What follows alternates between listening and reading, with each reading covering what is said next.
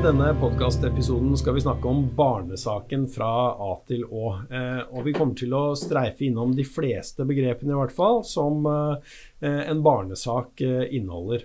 Eh, og så skal vi heller utdype hvert enkelt tema i andre episoder av eh, Heltpodden, som du finner der du eh, vanligvis hører podkastene dine. Og vi, det er Hege Marie Larsson, Solveig Wangensten Jonsrud og Dag Are Børresen, alle advokater i Help. Og Help eh, er et forsikringsselskap med rundt 170 ansatte advokater som hjelper privatpersoner i hovedsak med stort og smått i privatlivet. Eh, gjennom forsikring. Eh, og det innebærer at du ikke betaler eh, timepris for eh, advokathjelpen vi tilbyr. Og et av de største rettsområdene våre, det er barnerett. Eh, og Solveig et av de første begrepene man hører om hvis man involveres i en barnesak, det er hva som er til barnets beste. Og dette barnets beste-begrepet, hva, hva, betyr det egentlig? Det er et godt spørsmål. Eh, jeg tenker at altså, det å gå fra hverandre, eh, det er vanskelig for alle parter, og ikke minst for, for barna. Eh, og når, når, foreldrene går fra hverandre, så må de finne ut en del ting. De må finne ut hvor barnet skal bo, og hvilket samvær det skal ha med den andre, f.eks.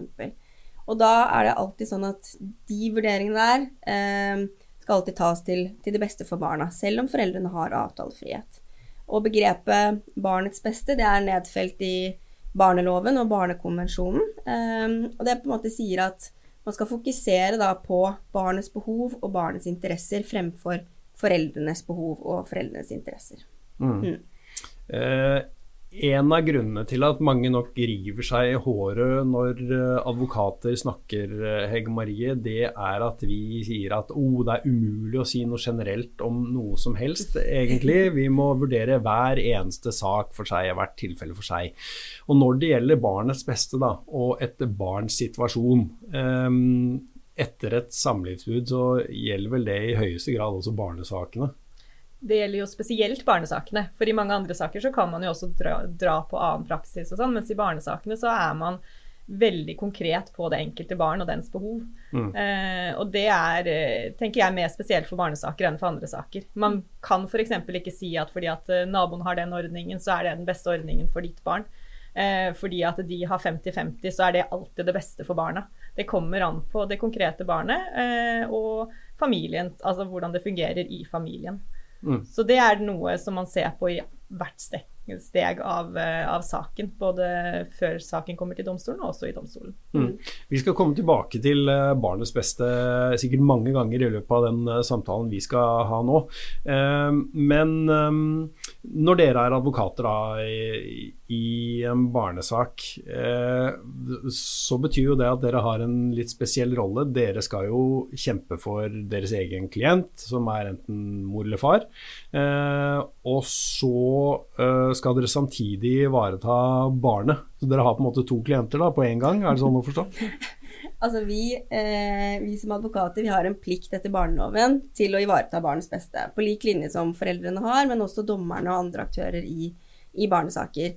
Og I tillegg så skal vi som advokater vi skal søke å, forsøke å få partene til å komme frem til en løsning. Vi skal søke å, å finne en, en, en, god løsning for, for barna, samtidig som vi skal ivareta vår klient så det er, det er, en vanskelig rolle å ha. Um, men det er desto viktigere at man har rett fokus, og får også klientene over på et rett fokus. Mm. Men bare før vi går videre, hvis jeg da uh, sier til Hvis du er min advokat, jeg sier til deg at du vet hva, jeg ønsker at uh, det skal være sånn og sånn i forhold til mitt barn, enten det handler om samvær eller uh, hvor barnet skal bo f.eks. Mm. Og så tenker du at hm, det er ikke helt sikkert at dette er eh, til barnets beste. Hvordan, eh, hva gjør du da hvis uh, mine krav til deg som min advokat kanskje går litt på tvers av hva du tror er barnets beste? Ja. Altså, min plikt er jo å være din advokat, selvfølgelig, og fremme dine synspunkter i saken. og så er det jo gjerne en dommer da, som skal ta vurderingen av hva som er til barnets beste. Eh, og jeg får kun høre din historie først. Og det er derfor det er så viktig eh, når vi får inn våre klienter, at vi går grundig gjennom saken. Eh, lar klienten få fortelle alle sine synspunkter, tar en vurdering, og så sier vi også gjerne litt om hvordan jussen er, sånn at klienten kan være klar over det. Eh, og saken er på en måte ikke ferdig. Ikke? Det er jo, Barnesakene tar jo lang tid. Det er mye som skal gjøres. Det er kanskje masse dokumenter som skal innhentes. Um, så det er en lang prosess, det er det. Jeg vet egentlig at Vi skal jo komme inn på det senere, men, men et viktig poeng i barnesaker er jo at man søker enighet mm. eh, mellom foreldrene. Fordi at eh, man er av den oppfatning at konflikten mellom foreldrene er ofte det barna lider mest under. Mm. Så derfor har man jo eh, disse både familievernkontoret med mekling, men man har også da, som vi skal komme inn på senere, mekling i domstolen. ikke sant? Altså, det er et fokus på også å forsøke å komme til enighet. Og det er jo et fokus vi også har som advokater, å på en måte prøve å hjelpe vår klient eh, til å komme til enighet for barnets beste. da. Mm. Men eh, noen ganger så går jo ikke det, og da, da er det jo domstolen og dommer som til slutt skal ta den den vurderingen i hva som er barnets beste. Men uh, da altså, er det fristende å spørre om uh, det å komme til enighet, få foreldrene til å bli enige, er det liksom det overordnede målet, da? Det er nok det overordnede målet. Ja. det er jo som Hege Marie sa, at man ser jo det at barn som lever i langvarig, altså konfliktfylte forhold med foreldrene på hver side, som står og drar i hver sin kant, fordi de er ikke enige, de er svært skadelidende for barna. De kan utvikle ulike uh, atferdsvansker, uh, skolevansker, skolevegring på bakgrunn av foreldrenes uenigheter. Så Derfor er på en måte det overordnede målet er at mor og far skal bli enige. Mm. Og det er også en styrke å kunne si til barnet at nå har mamma og pappa blitt enige. Sånn skal det være fremover.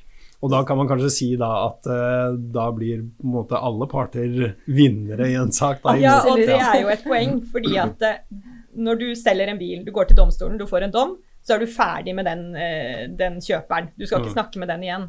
Disse foreldrene skal samarbeide mest sannsynlig i hvert fall de neste 10-15-20 årene, kanskje mm. resten av livet. Mm. Ikke sant? Så, så, det er jo et poeng som er spesielt i barnesaker. Nå, eh, til tross for at vi sa at det var vanskelig å si noe generelt om barnesaker, så har vi egentlig gjort det nå. Nå skal vi gå litt mer konkret inn på hva barnesakene egentlig handler om. Hvilke begreper er det som vanligvis går igjen? Altså, vi ser jo at det er mange foreldre som kanskje blander noen av begrepene også. Eh, men det vi kanskje skal snakke først om, det er det med foreldreansvar. Eh, det er jo på en måte eh, at barnet har krav på omsorg og omtanke fra forelderen. Og så er det noen avgjørelser som foreldrene må ta i fellesskap hvis de har da, et felles foreldreansvar. Typisk det å utstede pass til barna, opprette bankkonto, VIPS, medisinske beslutninger det er det foreldrene med foreldreansvar som, eh, som, skal ta. Er da det vanlige å ha delt foreldreansvar? Ja, felles foreldreansvar er det vanlige. Og nå er jo hovedregelen i loven sånn at når barn er født, så har både mor og far eh, felles foreldreansvar, til tross for at de ikke bor sammen. Så er det særlige grunner som skal til for å frata den ene eh, et foreldreansvar. Og det, mye, altså det, skal mye til for å fravike det utgangspunktet. Mm. Fordi man mener at for et barn så vil det i de aller fleste, 99% av tilfellene, være best for barnet at begge foreldrene har foreldreansvaret. Mm. Det gikk jeg i bar med en gang. Jeg kalte det fordelt foreldreansvar, og det heter altså ikke det heter felles foreldreansvar, ja, ja. Eh, som de fleste av oss har. Det var det ene begrepet. og eh, jeg gjentar at uh, disse begrepene her, de skal vi gå nærmere inn i andre episoder av Heltpodden. Uh, så dette blir mer å risse litt i overflaten på de ulike temaene. Um, hvilke andre begreper enn foreldreansvar har vi? Altså tenker, foreldreansvar er jo noe vi kommer Når vi også er sammen rundt barn, så kommer vi over, altså Når vi skal ha pass, da, så må begge samtykke til pass. ikke sant? Mm. Men når foreldrene går fra hverandre, så er det andre begreper som dukker opp, som ikke er, realiserer seg når foreldrene er sammen. Mm. Og det er jo da bosted og samvær, ikke sant. For da bor ikke barna, eller foreldrene lenger sammen med, med barna begge to. Eh, og da må foreldrene bli enige om hvor er det barna skal bo, eh, og hva slags samvær skal det være. Mm. Eh, og i det så, så, er det jo noen spørsmål som foreldrene må ta stilling til, som også vil gi juridiske rettigheter. Mm. Ja, det er jo det med fast bosted. Mm. Enten så velger man at barnet bor fast hos den ene forelderen, eller så velger man å, og, da ha samvær med den andre, eller så velger man at barnet bor fast hos begge. Det som da kalles delt bosted. Mm. Eh, og det med fast bosted er på en måte eh, Det handler om avgjørelsesmyndigheten, da. Eh, hvis barnet bor fast hos mor, så er det mor som tar de viktigste avgjørelsene i barnets dagligliv, f.eks. hvor i landet barnet skal bo, eh, om barnet skal gå på AKS SFO og i barnehage, og valg av fritidsaktiviteter. Eh, men, men, altså, hva barnet skal spise, ha på seg leggetider og sånt, og det bestemmer jo på en måte den som barnet er hos til enhver tid. Mm. Og er det delt bosted, så skal jo disse foreldrene da ta alle disse avgjørelsene sammen. Og mm. Derfor sier man jo gjerne at skal det være delt bosted, så bør det være et viss grad av eh, samarbeid og et relativt greit eh, lavt konfliktnivå. Ja. Er det skyhøyt konfliktnivå og dårlig samarbeid, så er det sjelden til barnets beste at foreldrene har delt foreldreansvar. Så sier man jo også at eh, Nei, delt bosted, beklager. Ja. Så sier man jo også at det er en fordel at foreldrene bor i nærheten av hverandre, slik mm. at barnet på en måte kan opprettholde det å ha to hjem Eh, de kan ha de samme vennene, de samme fritidsaktivitetene, både når de er hos mor og når de er hos far. Men det å ha delt bosted, forutsetter det at de bostedene da er i samme skolekrets? For det vil jeg anta har noe I å si? I utgangspunktet så gjør det det, ja. Nemlig. Det er uh, mange spørsmål å ta hensyn til. Og så var det uh, samvær som dere var inne på. Altså alt dette her um, dette får også noen økonomiske implikasjoner i forhold til bidrag og sånn. Eh, I hvilken grad eh, tenker dere at eh, det ligger under, når foreldrene har forskjellige synspunkter på hvor mye samvær osv. og, og hvor barna skal bo? Altså Som hovedregel så skal jo barna ha kontakt med begge foreldrene. Mm. Um, og graden av kontakt det kommer jo helt an på barnet og barnets behov. Hva er det som er til barnets beste? Det kan også variere i forhold til det med reiseavstand, hvor gammelt barnet er og slike ting. Dessverre så ser vi jo i noen saker hvor det er et høyt konfliktnivå, at det er um, At dette spørsmålet også kan ha en, et økonomisk bakteppe. Og det handler kanskje om det med barnebidrag. Fordi den av foreldrene som barnet ikke bor sammen med, skal betale et barnebidrag til den andre. Og det er jo fordi begge foreldrene har et økonomisk ansvar for å forsørge barna. Mm. Men så er det jo igjen, altså det med, med samvær er jo også en vanskelig Altså vi får mange saker knyttet til det, fordi eh, man er uenige. Eh, noen mener jo at det skal være f.eks. tilsyn under samværene. Eh, og så klarer man ikke å bli enige om eh, antall dager, eh, netter, eh, ferier. Men der tenker jeg at det viktigste der er å ha fokus på barnet sitt. For jeg tror kanskje ikke at barnet selv legger så stor merke til om det er ni dager eller elleve dager hos den ene forelderen. Um, det er det, foreldrene som bryr mest seg om. Ja, og det er jo viktig å da også si at eh, økonomi vil aldri være avgjørende for hvilken ordning som er til det beste for barnet. Eh, du vil ikke ha en domstol eller en dommer som sier at eh, det er best for barnet å bo sann og sann fordi at det vil økonomisk lønne seg, eller noe sånt. Mm. Så, så sånn sett så er det jo sideordnet. Men, eh, men, det er klart for foreldrene så kan det ha en betydning, og det må man jo også ha respekt for. At uh, man skal jo ha en personlig familieøkonomi også men det vil ikke være avgjørende i en sånn sak. Så domstolen vil ikke legge avgjørende vekt på at eh, barnet bor hos den som har lavest inntekt? Nei, Nei overhodet ikke. Nei. Nei, nettopp. Men så er det det at um, En ting er hva domstolene kommer fram til. Hvordan er det med avtalefrihet i disse sakene her? Er det sånn at foreldrene kan komme fram til hvilke avtaler de vil om barna sine? Ja, i utgangspunktet så er det jo det. Altså, det er ikke noe forskjell på foreldre som har gått fra hverandre og foreldre som bor sammen når det gjelder barna. De har de samme rettighetene overfor barna sine eh, til også å lage gode avtaler. Og det, vi anbefaler jo alltid at man skal lage gode avtaler seg imellom, fordi det mm. gjør det mer fleksibelt også for foreldrene. Det er de mm. som vet hvilken behov de har, og det er de som også kjenner barna sine best og vet hva slags behov barna har. Mm. Og jeg tenker at med en sånn konkret og forutsigbar avtale, så vil jo Eh, for det første barna vite hva som skjer. Eh, og så ser vi også at har man konkrete og forutsigbare avtaler, så skaper det mindre konflikt mellom foreldrene. Da krangler de ikke om hvor de skal hente eller levere, eller når ferien skal begynne. Da er det på en måte fastlagt i avtalen. Så unngår man en del tvistepunkter. Mm. Mm. Uh, og Nå trenger jo ikke vi egentlig å uh, reklamere unødvendig for uh, advokattjenester. For det er vel da sånn at altså Dere har jo selv sagt at det viktigste er at foreldrene blir enige, ikke så mye hva de blir enige om. Så hvis foreldrene blir enige om en samværsform, bosted og en ordning som fungerer, så er det ingen grunn til å kontakte advokat, egentlig? Nei, det tenker jeg ikke. Så lenge dette her er en ordning som funker for eh, familien og for barna, så eh, er det til det beste for barna. Og Da vil jeg jo også trekke frem familievernkontoret. Altså mm. Alle foreldre som går fra hverandre, må ta en mekling på familievernkontoret. Det er obligatorisk. Mm. Eh, men man kan også bruke familievernkontoret i andre sammenhenger. Eh, og de er jo spesialister til å hjelpe til med å komme til enighet og avtaler. Det er det Mm. de jobber med. Hvor lenge plikter man å gå innom eh, eller møte til mekling på familievernkontoret, da? Altså Når foreldrene går fra hverandre og har barn under 15 år, så må de en time, i hvert fall, til familievernkontoret. Um, men så kan de få opptil syv timer med rådgivning, og det tenker jeg at uh, mange foreldre bør benytte seg av. Uh, familievernkontoret de har også muligheten til å ta inn barna og få høre de barna. Eh, slik at foreldrene får vite hva også barna tenker eh, rundt det med avtaler og hva de skal gjøre fremover. Ja, for Det var mitt neste spørsmål. fordi at Vi snakker varmt om uh, barnets beste, men i hvilken grad spør vi barn om hva de syns? I utgangspunktet så skal jo barna høres fra de er i stand til å eh, ha en egen mening. Eh, og jo eldre de er, jo større vekt skal man legge på barnets mening. Um, sånn I praksis, hvordan foregår det? da? Hvem er det som spør barna? Det spørs jo hvor du er i saken, da. Ja. eh, som Solveig nevnte, så kan du jo med mekling på familievernkontoret, så kan Da vil det jo være en psykolog, familiespesialist som jobber på familievernkontoret som snakker med barna. Det er avhengig av at begge foreldrene samtykker til det. Eh, hvis du er inne i domstolen, så oppnevnes jo gjerne en sakkyndig som snakker med barna, eller at dommeren selv snakker med barna. Eh, og så kommer det an på hvor gamle barna er. ikke sant? Eh, er det små barn, så kan man høre barna kanskje i form av en observasjon. At man er sammen med barna, snakker litt, ikke direkte sitter og spør 'hvor vil du bo', 'hva vil du gjøre'? ikke sant?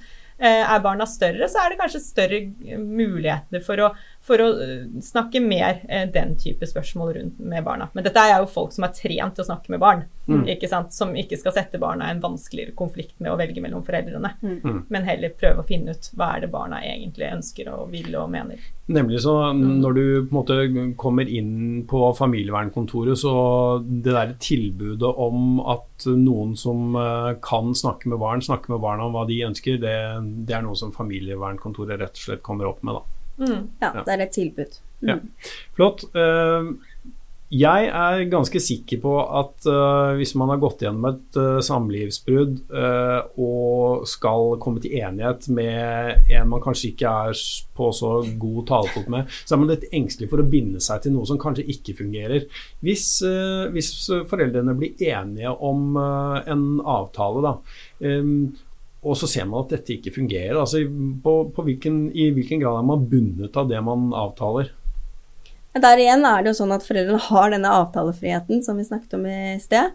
Ser man at en avtale ikke er til barnas beste, så kan man lage en ny avtale. Det er det som er, altså, En avtale man lagde når barna var tre år, er ikke sikkert er til barnets beste når det er eh, syv, åtte, ni år.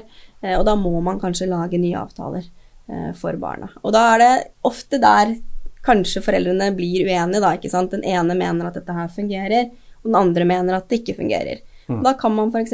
ta en ny tur på familievernkontoret og snakke gjennom hva er det som ikke fungerer, hva skal vi endre på, eh, kanskje igjen høre hva barna tenker. Ja. Um, men mens vi er inne på dette med avtaler og avtalefrihet uh, i og utenfor eh, familievernkontoret, hva er det først og fremst disse avtalene bør inneholde? Det bør jo regulere i hvert fall bosted og, og samvær, eh, ferier. ehm, og det spørs jo litt hvor gode for, foreldrene er til å være fleksible underveis. ikke sant? To foreldre som snakker godt sammen og som klarer å endre på planer og, og på en måte tilpasse seg hverandre og egne behov, trenger kanskje ikke å ha en så detaljert avtale. Men er det vanskeligheter med samarbeid og høyt konfliktnivå, så kan det hende at selv det å regulere hva slags sokker som skal ligge i bagen, kan være konfliktdempende. Ja, nettopp fordi at det kan jo være at man, man vet at eh, altså noen har i hvert fall tanker om at ekspartneren kanskje er en rotekopp, eh, eller at den ene er mer strukturert enn den andre. Da, og, og skal man ned på det detaljnivået der at eh, ved overlevering for samvær så skal bagen inneholde så og så mange sokkepar osv., osv., regnbukse eh, og den og den type utstyr. Er, er, det, er avtalene ofte så detaljerte? Altså, I mange av de konfliktsakene som Hege Marie snakket om, så må vi ned på det nivået. ikke sant? Vi må også ned på det nivået hvor skal barna hentes, hvem skal bringe hit, og hvem skal bringe dit. Eh, hvem skal betale for kostnadene knyttet til reise. Eh, men, men, det som det er det viktigste, tenker jeg, er jo å ha en, en forutsigbar avtale eh, for barna. Uh, og håpe at foreldrene i tillegg da kan vise en fleksibilitet, særlig da når barna blir større og kanskje har noen ønsker i forhold til egne, egne aktiviteter og ja, Overnattinger hos venninner ikke sant, og slike ting. Men jeg vil jo egentlig svare nei på spørsmålet ditt. Altså, det er ikke flest avtaler som er så detaljert. De fleste foreldre mm. finner jo ut av det mm. selv. Mm. De fleste foreldre tar en time på familievernkontoret eller flere og klarer å lage avtaler og klarer å samarbeide. Ikke sant? Men så er det jo noen saker hvor, hvor samarbeidet er vanskelig, hvor det har vært konflikt over lang tid. Eh, hvor man kanskje da forhåpentligvis håper at det kan dempe konflikten og skape et bedre samarbeid på sikt. da. Mm. mm. Og der er jo igjen det der med at foreldrene har mulighet til å lage de avtalene selv, er jo en fordel. fordi dersom man er så uenig og kommer til domstolen, så vil domstolen ha begrenset mulighet til å regulere avtaler og eh, kun fastsette hvor barna skal bo, og hvilket samvær det skal være med den andre.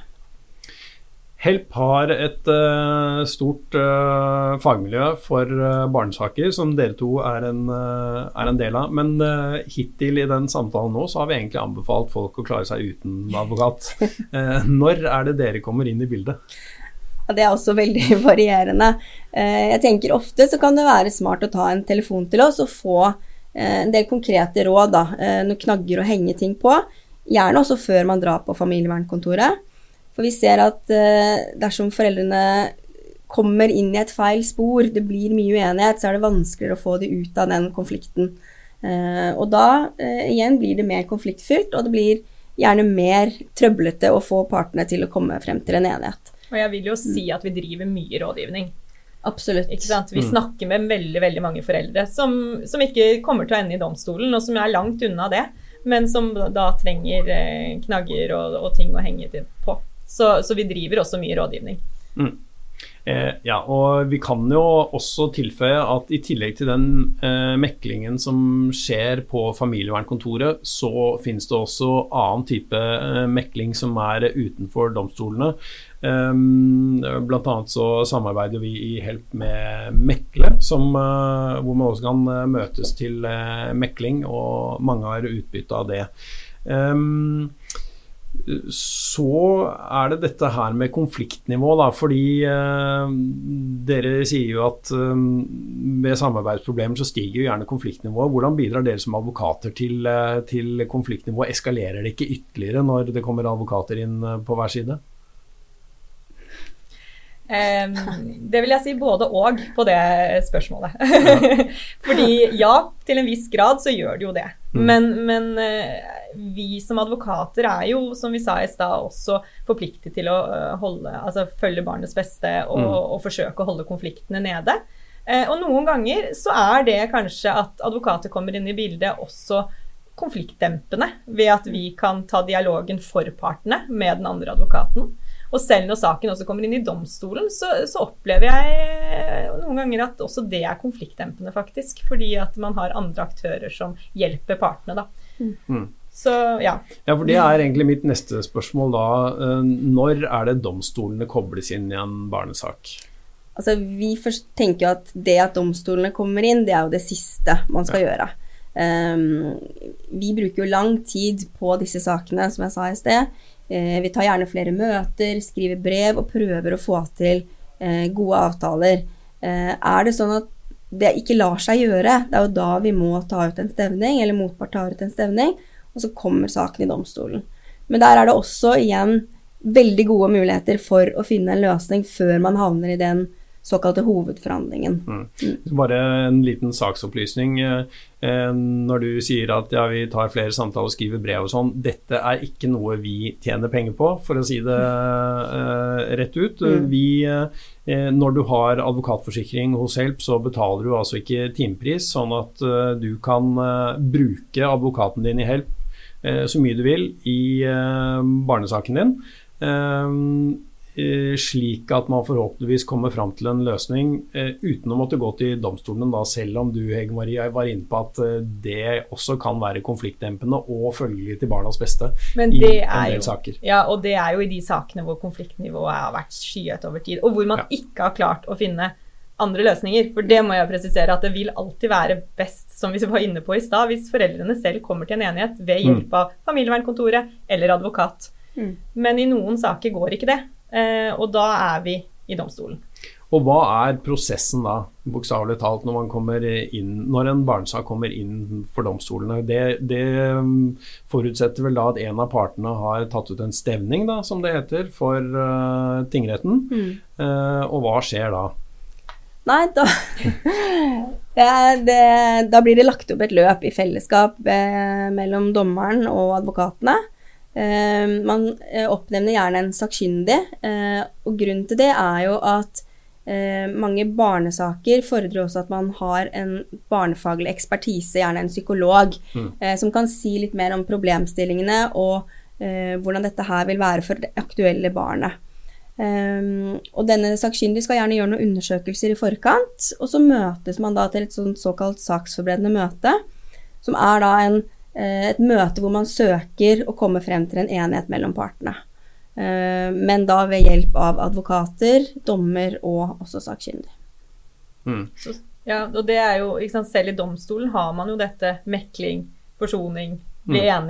enig-perspektivet veldig høyt oppe. Det Ja, er for det, det er obligatoriske meklingsmøter rett og slett i domstolen også. Ikke altså, det er jo på en måte opp til foreldrene å bli enig i et meklingsmøte, men domstolen kjører i de aller fleste sakene et meklingsløp, hvor man starter med meklingsmøter. Man har gjerne også flere meklingsmøter. Eh, kanskje man da i første møte klarer å lage en avtale eh, som foreldrene da skal teste ut. eh, Og se hvordan dette her fungerer. Er dette her en avtale som er til barnets beste, eller må det kanskje gjøres noen justeringer?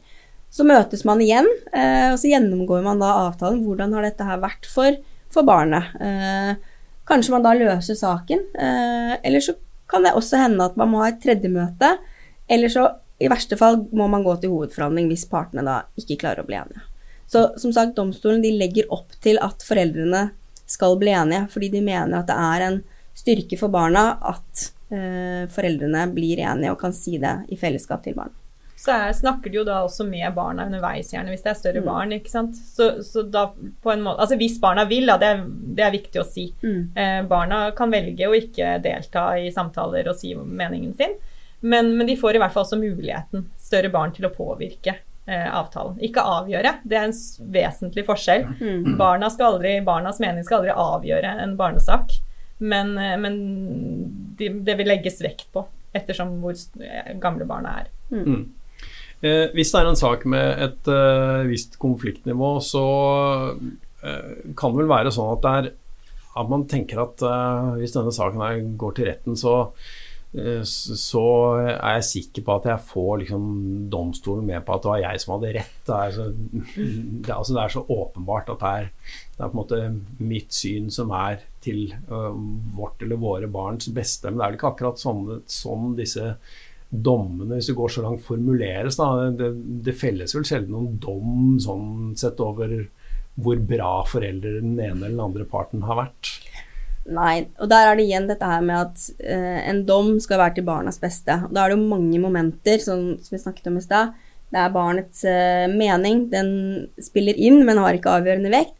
Og så er det f.eks. For foreldrenes omsorgsevner, eh, hvor da retten går inn og vurderer den. Men at det er en av foreldrene som har rett eller ikke rett, det blir på en måte ikke vurdert. Det blir vurdert hvor er det best for barnet å bo, er det hos mor eller hos far, og hvilken samværsordning er det, det til det beste for barnet. Skal det være mye med den ene parten, eller skal det være f.eks. litt mindre? Skal det være tilsyn, f.eks.? Mm.